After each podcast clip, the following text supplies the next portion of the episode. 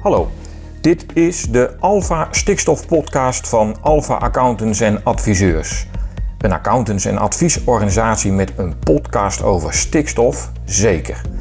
Het is namelijk een grote uitdaging voor boeren op dit moment en een van de belangrijkste factoren voor bedrijfsontwikkeling. Het stikstofdossier leidt tot veel vragen en in deze serie podcasts willen we daar antwoord op geven.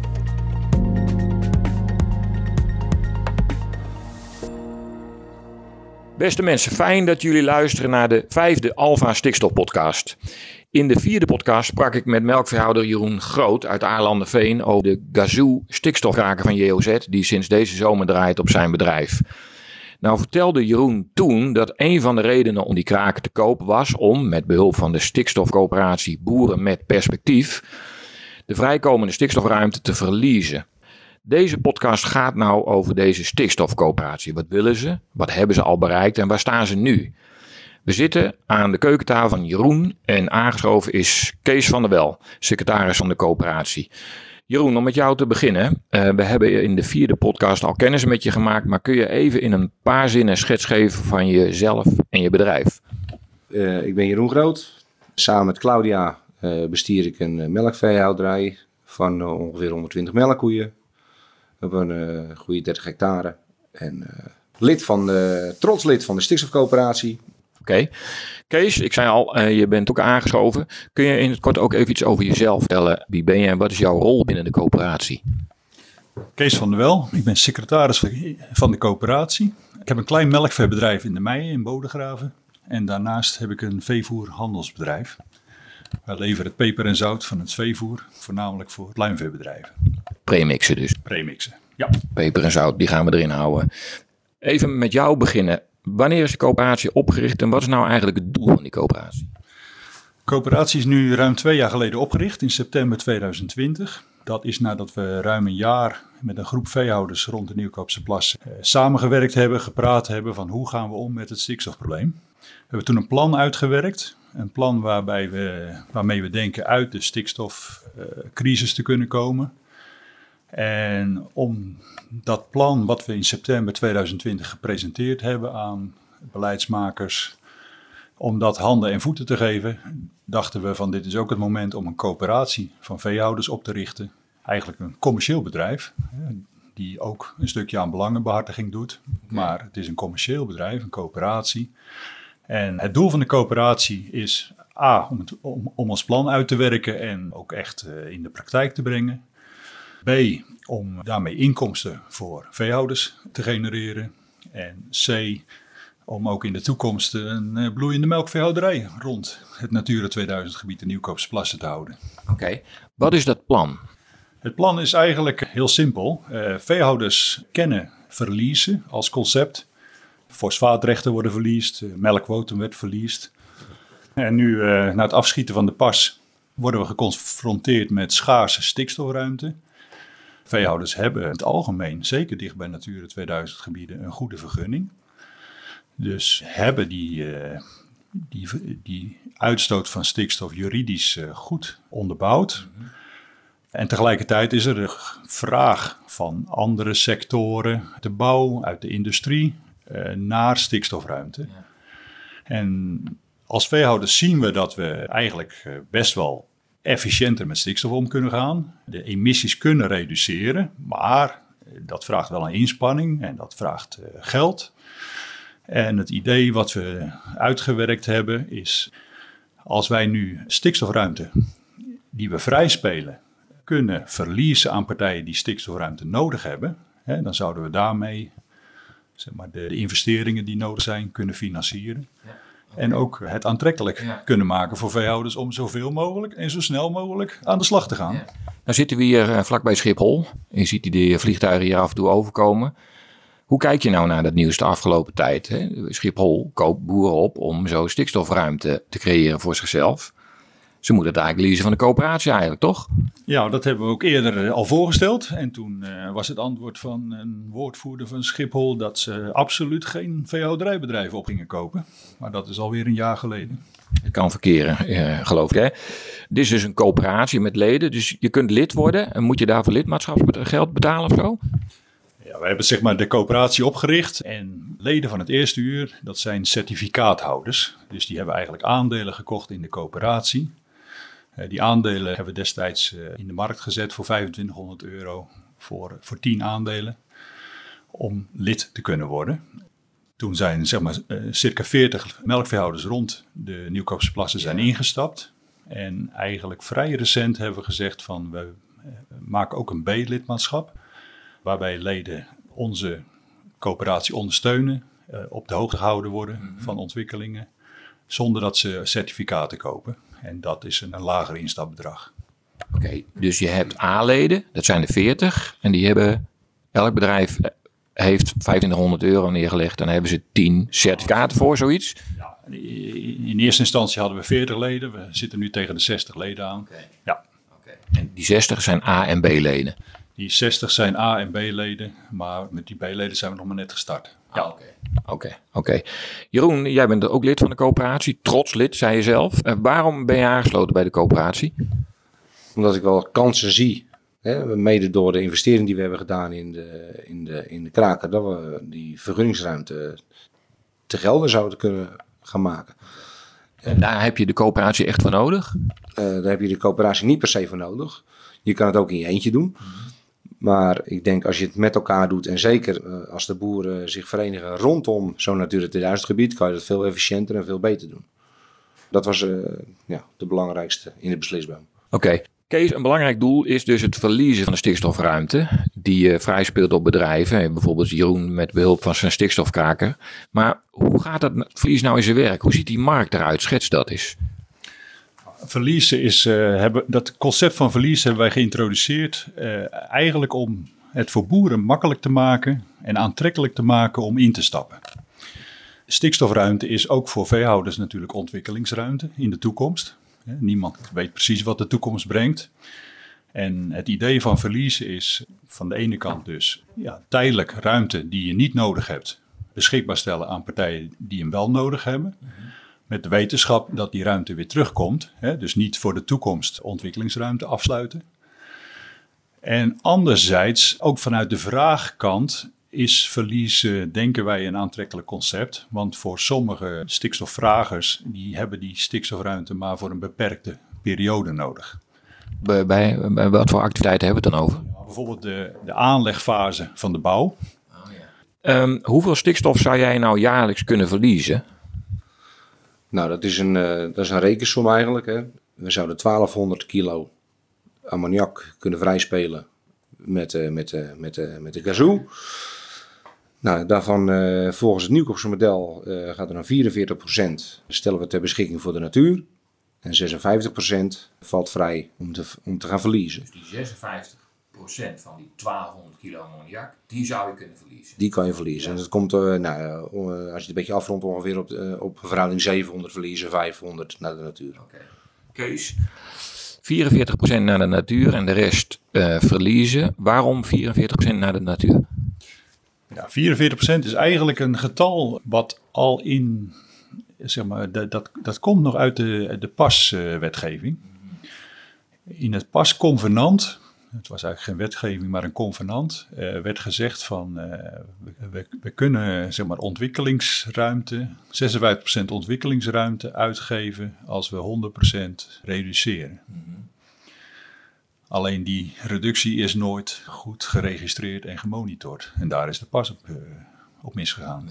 Ja. Maar, maar, zeg maar die, die 56-44 was dus eigenlijk al een, een verhouding die bestond. Plus dat, ja, zeg maar, met die verhouding, koer, die paste ook bij de koers die de overheid al in brieven van het ministerie vastgelegd had voor de reductie in de toekomst. Oké, dat is de verklaring van die 44% Maar laten we het voorbeeld van Jeroen nou even aanhouden. 700 kilogram verliezen en wat zei je, 500 kilogram naar de natuur. Wat gebeurt er met die 500 kilogram naar de natuur? Hoe moet ik dat voorzien?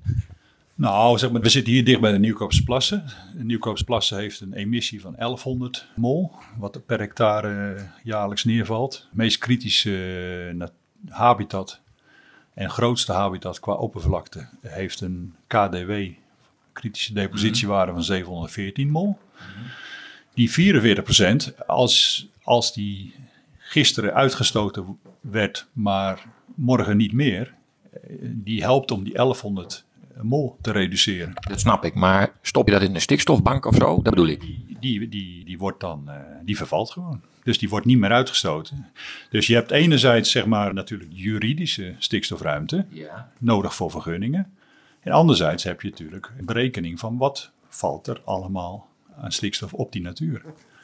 En, en zeg maar, in dit geval is het ook juridisch uh, dat die vervalt. Want zeg maar, ja, hij, hij, stond op de vergunning en hij wordt, hij wordt niet, meer, niet meer uitgestoten straks. Oké, okay, dus die 44 procent, jij zegt ja, dat komt ten goede van de natuur. Maar dan moet je natuurlijk juridisch ergens borgen. Gebeurt dat bij binnen de coöperatie? Of gebeurt dat bij de provincie? Of waar gebeurt dat dan? Nou, wij zien daar voor de coöperatie een belangrijke rol in de juridische borging.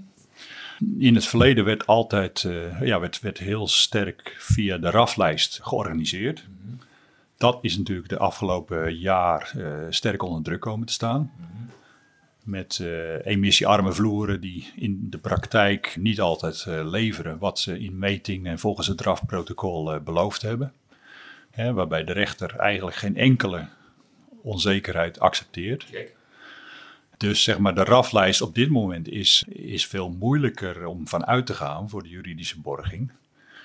Maar op dit moment zijn we wel in een fase dat, dat real-time monitoring van ammoniakemissie uit de stal, dat dat steeds reëler en betaalbaarder en, en, beter geborgd is. Nee, maar dat snap ik, Kees. Uh, een beetje waar ik naartoe wil is die 44% die komt ten goede van de natuur, zeg je.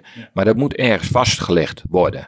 Ergens moet vastgelegd worden de stikstofruimte, uh, de depositie, laat ik het dan zo omschrijven, op het Natura 2000 gebied, Nieuwkoopse Pas in dit geval, gaat met zoveel omlaag. Waar gebeurt dat? Waar wordt dat vastgelegd dan? Ja. Kijk, wij hebben, de, wij hebben een aanpak uh, waarover we nu met de provincies uh, verder overleg voeren. Mm -hmm.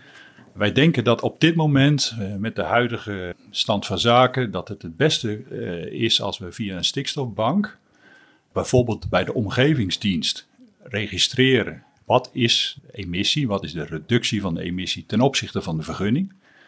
En zeg maar daar op basis van de verzameling in een stikstofbank, hè, en dat, dat, dat kunnen maatregelen zijn, dat hoeft nog geen aanpassing van de vergunning te zijn. -hmm is het juridisch mogelijk om van die 56% wat in die stikstofbank uh, ingebracht wordt, om die, die 56% te benutten om nieuwe NB-vergunningen uit te geven. Okay.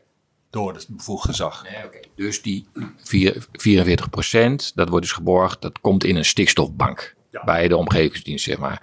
Nu gaan we naar het verliezen, die 56%. Is er al 1 kilo uh, ammoniak verlies via de coöperatie? De coöperatie heeft wel ervaring uh, opgedaan en deals gemaakt uh, met extern salderen. Met bedrijven die gestopt zijn buiten ons eigen gebied. Uh, dus we weten hoe dat functioneert en ook welk pak papier daarbij komt kijken om dat juridisch goed rond te maken. verliezen, dat hebben we nog niet gedaan omdat ja, het hele kader nog steeds niet uitgewerkt is. Wat zijn nou daar de belangrijkste bottlenecks, als, als, je, als je het hebt over dat kader? Ja, zeg maar, de, de bottlenecks zijn enerzijds dat het moet praktisch uitvoerbaar zijn. In eerste instantie hebben wij ook gedacht van, ja, één op één extern salderen is een mogelijkheid. Ja, bij de boer van de vergunning af, bij de stikstofvragen bij de vergunning op. Maar ja, dat stuit op bezwaar dat het A erg complex is. Mm -hmm. En B, de overheid heeft ook een jaar lang geprobeerd op allerlei manieren vergunningverlening toch door te laten gaan. Met een bouwvrijstelling, ja, een 25 kilometer zone instellen. Precies. Kees, jij noemde dat in de uh, vorige podcast uh, geitenpaadjes. Uh, dus dus geitenpaadjes zijn allemaal ingesteld. Dus dit is, dat is wat jij ook bedoelt eigenlijk, Kees. Dus dat is een bottleneck. En, en daar zijn we natuurlijk, ja, nu, nu is dat eigenlijk weer twee maanden lang, uh, is dat duidelijk dat dat allemaal niet werkt. Hè? Dus dat extern salderen gaat niet werken? Dus zeg maar, uh, bedrijven die stikstof uitstoten, moeten gewoon weer allemaal een vergunning aangevragen. En ook voor alle Natura 2000 gebieden in Nederland gaat dat berekend worden. Dus extern salderen is, is ingewikkeld. En wij hebben zeg maar, juridisch advies ingewonnen. En komen er eigenlijk op uit dat de beste methode om ons plan werkbaar te maken is via een stikstofbank. En er zijn voorbeelden van een stikstofbank, ook in Zuid-Holland, waarbij bij bijvoorbeeld het havenbedrijf, als zij maatregelen nemen om stikstofuitstoot te reduceren, dan, kunnen die, dan kan die stikstofruimte die daarmee bespaard wordt, die kan ingebracht worden in de stikstofbank. En op basis van die maatregelen en die aangetoonde geborgde reductie, is het mogelijk om voor het havenbedrijf eh, een nieuwe NB-vergunning voor een nieuw project uit te geven. En analoog daaraan willen wij eigenlijk voor de veehouderij dezelfde mogelijkheid uitwerken om op basis van maatregelen, management, technieken, hè, die duidelijk geborgde reductie laten zien, om dat in de stikstofbank in te brengen. Dat is dan een stikstofbank in beheer van de coöperatie? De stikstofbank is altijd in beheer van bevoegd gezag, dus dat is de provincie. Maar wij kijken ook een klein beetje naar het havenbedrijf. Het havenbedrijf heeft een adviesrecht om de provincie te adviseren. Wij hebben dit ingebracht. Hè. Wij zien dat iemand een vergunning nodig heeft. Kunnen wij voorstellen dat jullie wat wij ingebracht hebben gebruiken om daar uh, stikstofruimte voor de vergunning uit te geven. Check. Jij noemde dat je juridisch advies had ingewonnen. Waar heb jij juridisch advies ingewonnen eigenlijk? Ja, we hebben een gespecialiseerde advocaat op, op stikstofvlak als, ja, als adviseur. Deze man die, uh, ja, die, die, die geeft breed advies aan, aan overheden, aan, aan bedrijven en in dit geval ook aan onze coöperatie. Speelt Alpha Account een adviseur nog een rol in deze, deze advisering van de coöperatie? Ja, Alpha is een, is een adviseur die uh, heeft ons heel erg goed geholpen bij de opzet van het, van het bedrijf. Uh, hoe gaan we dat uh, organiseren? Certificaathouders, overeenkomst die, die leden tekenen, statuten. daar hebben we veel ad advies gehad van Alpha. En Alpha heeft ons ook goed geholpen bij eerste contracten met extern salderen. Alpha is een, uh, toch een grotere club met een eigen, goede eigen juridische afdeling.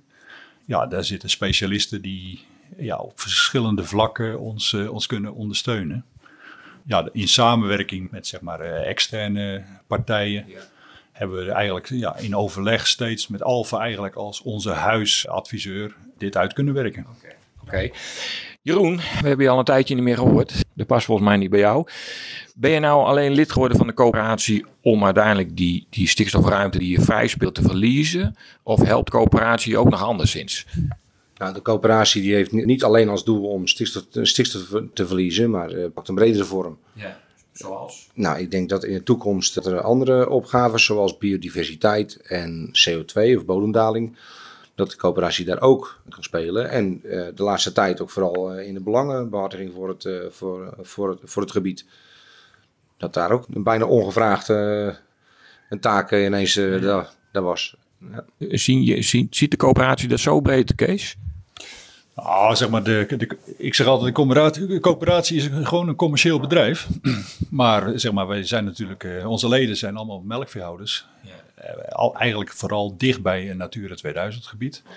En ja, die, onze leden voelen zich natuurlijk bedreigd door alle ontwikkelingen die uh, ja, vanuit stikstofvlak bijvoorbeeld op ons afkomen. En wij willen pal voor onze leden staan om te kijken hoe kunnen we eruit komen, hè, dat we uh, daar uh, oplossingen voor vinden en, en onze bedrijven bloeiend kunnen houden. Nou heb ik een hele belangrijke vraag die volgens mij op ieders lip brandt als, als we het hierover hebben, namelijk het verliezen van stikstofrechten.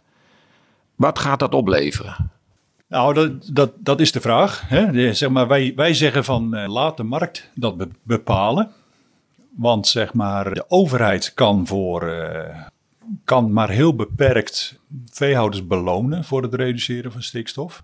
Omdat uh, je heel snel in staatssteun Precies. discussies terechtkomt. En bovendien hebben de provincies uh, ook maar beperkte mogelijkheden financieel. Dus wij zeggen van laat bovenop wat de overheid kan doen, laat ook de markt uh, veehouders belonen. Uh, als ze stikstofruimte, schaarse stikstofruimte vrijmaken om de rest van Nederland vooruit te helpen.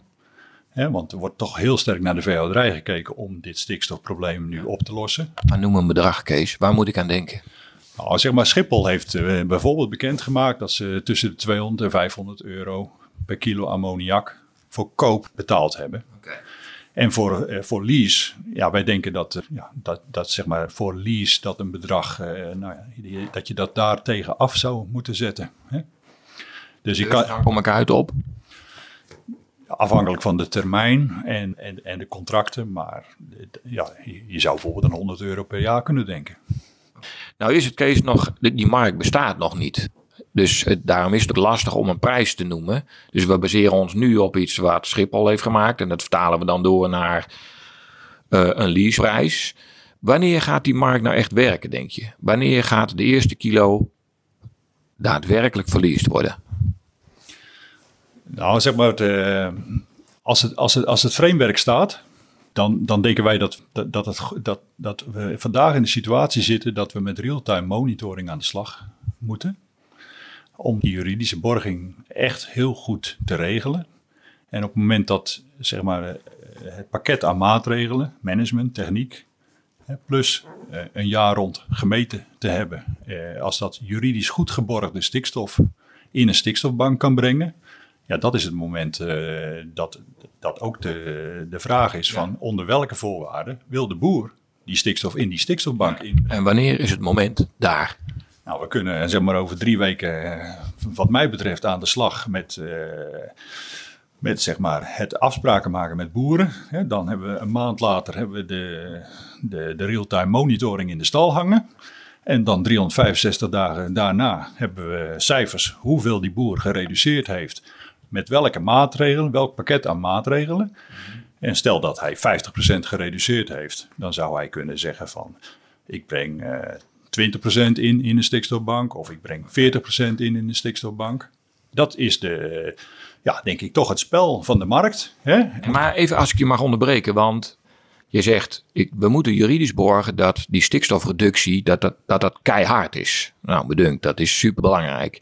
En dat ga je doen door real-time te monitoren, zeg je. Maar wordt er nou bij jou real-time al gemonitord, Kees? Jeroen.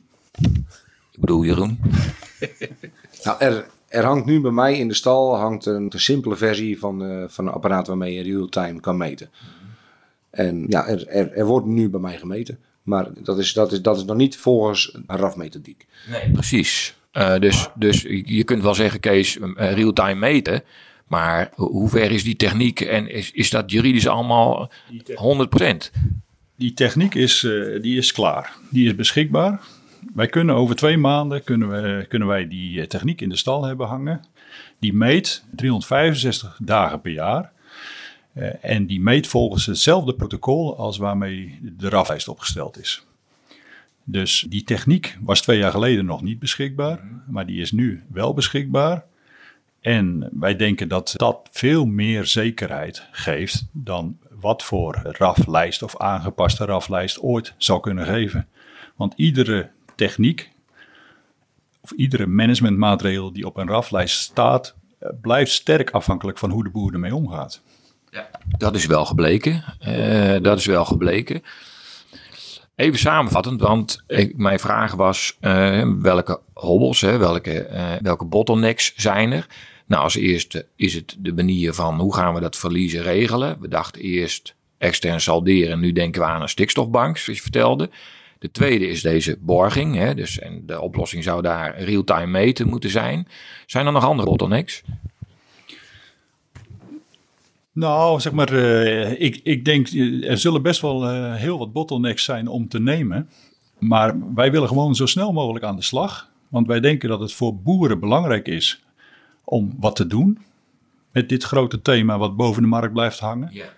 En wij zien ook dat als wij naar de Rijksoverheid kijken, hè, er komt nu een nieuwe regeling voor benaderen van piekbelasters, 2000 tot 3000 boeren op vrijwillige basis. Maar daar blijft boven de markt hangen wat als dat niet genoeg stikstofruimte oplevert.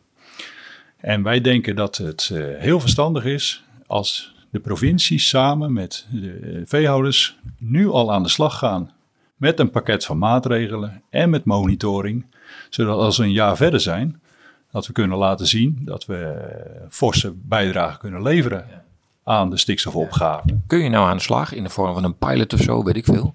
Nou, wij willen helemaal niet in de vorm van een pilot aan de slag, want wij willen dat, dat heel veel veehouders direct beginnen. En pilot is vaak een methode om het klein te houden.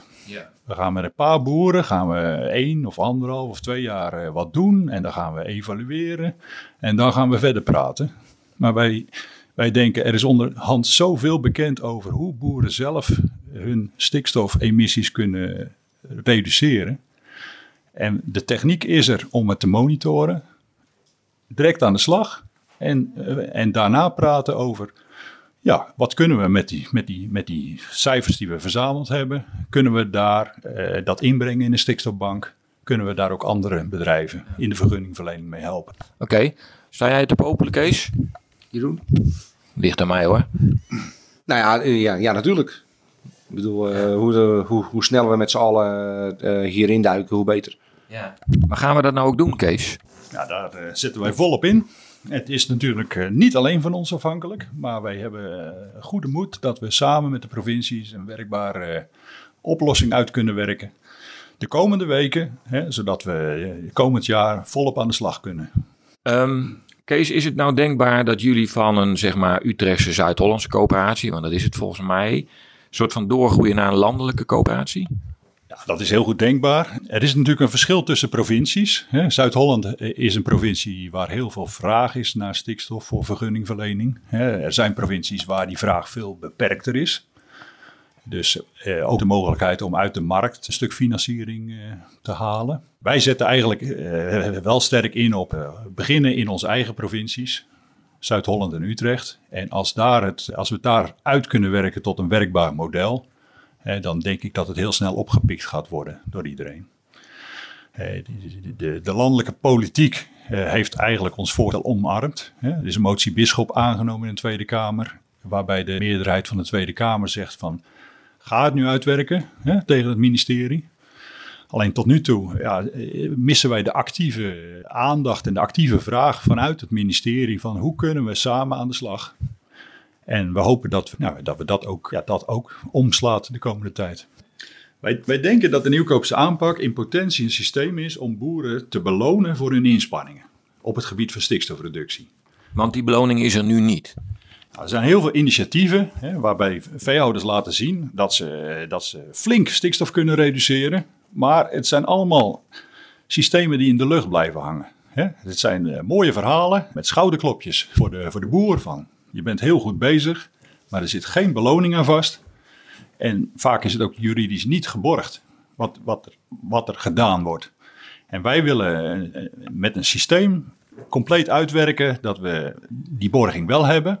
En dat, die, dat schouderklopje, dat het niet alleen een schouderklopje is, maar dat dat een financiële beloning is. En ik neem aan dat jij dat ook zo ziet, uh, Jeroen. Ik zie dat ook zo, ja. En dan is de coöperatie ook een succes. Je zei net, het is een succes als al die boeren primair rondom de nieuwkopersklasse kunnen blijven boeren. Op de manier zoals ze dat willen. En dat is, mijn manier is anders dan, uh, dan een andere manier. Maar dat ze allemaal kunnen blijven zitten.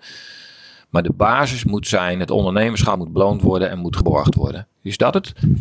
Ja, dat is het. En in feite is, is onze aanpak een pragmatische aanpak. er, zijn, er zijn heel veel mensen in de politiek ook die zeggen van die boeren zijn vervuilers. Waarom zouden we vervuilers betalen als ze minder vervuilen? Ja. Maar veehouders zijn, zijn de grootste beheerders van de grond.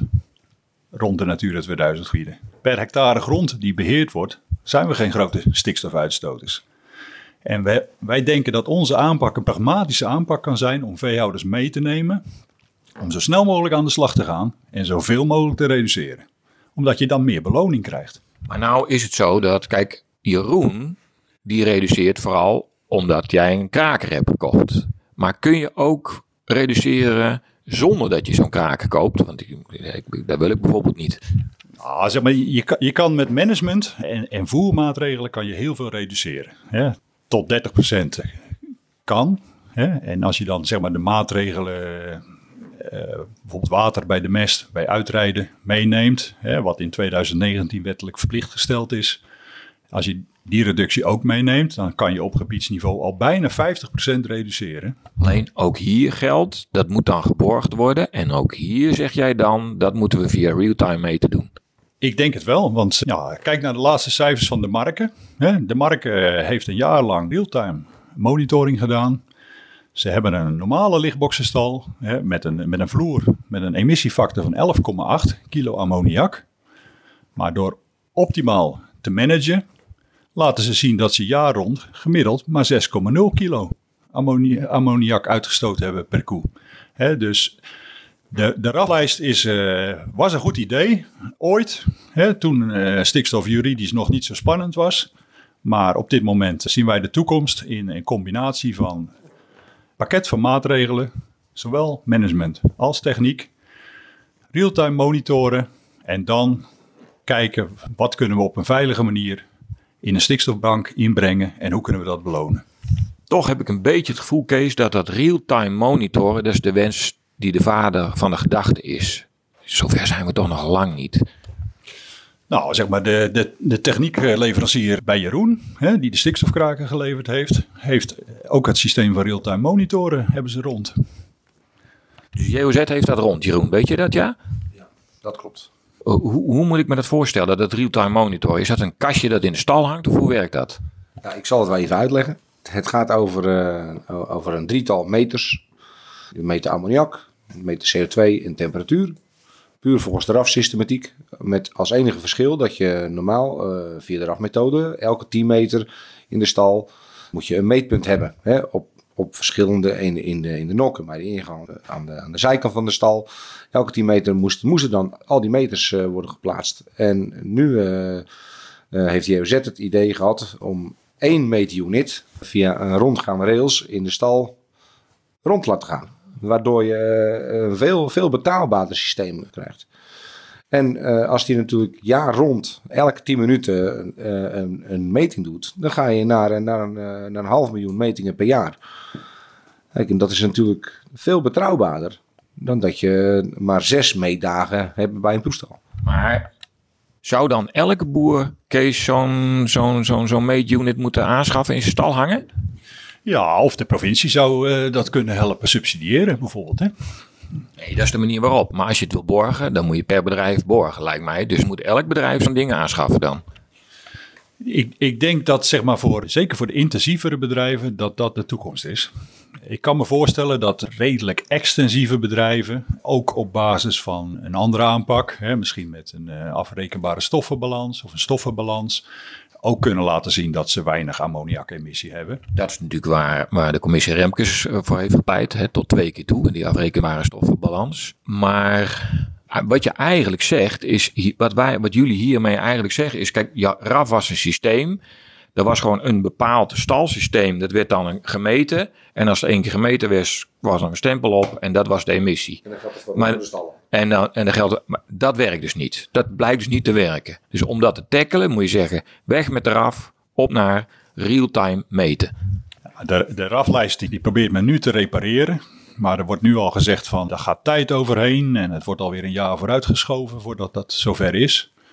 Wij kijken daar toch sceptisch tegenaan. Hè. Wij zien dat, de, dat innovatie naar achteren geschoven wordt, dat de overheid piekbelasters wil gaan benaderen. En als dat eh, straks onvoldoende stikstofruimte opgeleverd heeft, dat er gedwongen opkoop of intrekken van vergunningen als consequentie naar voren komt, voordat de Rijksoverheid de mogelijkheid geeft om met innovatie werkelijk aan de slag te gaan.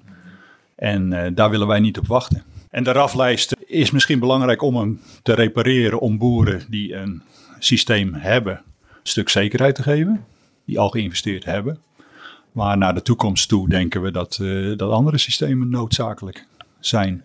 Ook omdat de RAF-lijst de, de ammoniakemissie slechts op de stal mm, in beeld brengt. Terwijl een groot deel van de emissie ook bij opslag en aanwenden van de mest plaatsvindt. Kees, wat zou jij nou melkveehouders mee willen geven? Luisteren naar wat, ik al, wat je allemaal hebt verteld over de stikstofcoöperatie. Wat wil jij boeren meegeven? Nou, heel simpel. Zo snel mogelijk aan de slag om te laten zien dat die reductie ook werkelijk gehaald is. En, want als, als, als we dat niet aantonen, dan wordt er straks gewoon een streep door de vergunning gezet. En dan mogen we minder dieren houden. Dus ik denk eh, niet afwachten, gewoon zo snel mogelijk beginnen. Oké. Ehm, naar het slot van deze podcast. Uh, ik begin met jou, uh, Jeroen. Ik zeg het in één keer goed. Wanneer is het werk van de coöperatie nou een succes volgens jou? Ik denk dat het, dat een succes is dat in alle omliggende polders rondom de Nieuwkoerse plassen... dat elke boer, als hij dat wil, gewoon op zijn plek kan blijven. Weliswaar met een misschien een andere werkwijze, maar dat, dat hij nog steeds uh, daar zijn bedrijf kan hebben en er plezier uit kan putten. Ik denk dat dat, als dat lukt, dan is, het, is de coöperatie uh, geslaagd in de missie. Ja. Dan is het een succes. Kees, echt tot slot, wanneer is het werk van de coöperatie wat jou betreft als secretaris een succes? Ja, ik sluit me bij Jeroen aan. Ik, ik denk dat, dat er heel uh, goede mogelijkheden zijn om ook twintig uh, jaar van nu een hele bloeiende melkveehouderijsector dicht bij Natura 2000 gebieden te hebben. Hè, om te beginnen bij nieuwkoop. En ik hoop dat de coöperatie een rol kan spelen om dat te realiseren. Oké, okay, helder mannen. Kees en Jeroen, bedankt voor jullie enthousiaste en gedreven, vooral gedreven uitleg over de stikstofcoöperatie. Ja, ik vind het een super interessant initiatief om naast het nemen van managementmaatregelen, want dat noemde je ook uh, Kees, maar ook via innovaties als de stikstofkraker, bij te dragen aan het verlagen van de stikstofuitstoot in de melkveehouderij. En tegen de luisteraars zeg ik, kijk even op de site van Alfa, alfa.nl slash stikstof. En daarop staan een paar linkjes naar de video's waar op Jure Kees en Jeroen ook zijn te zien. Fijn dat je hebt geluisterd naar deze aflevering van de Alfa Stikstof Podcast. Alle afleveringen zijn terug te vinden op www.alfa.nl/stikstof. Heb je nou vragen, opmerkingen of misschien zelfs een suggestie voor deze podcastserie? Mail dan naar communicatie@alfa.nl.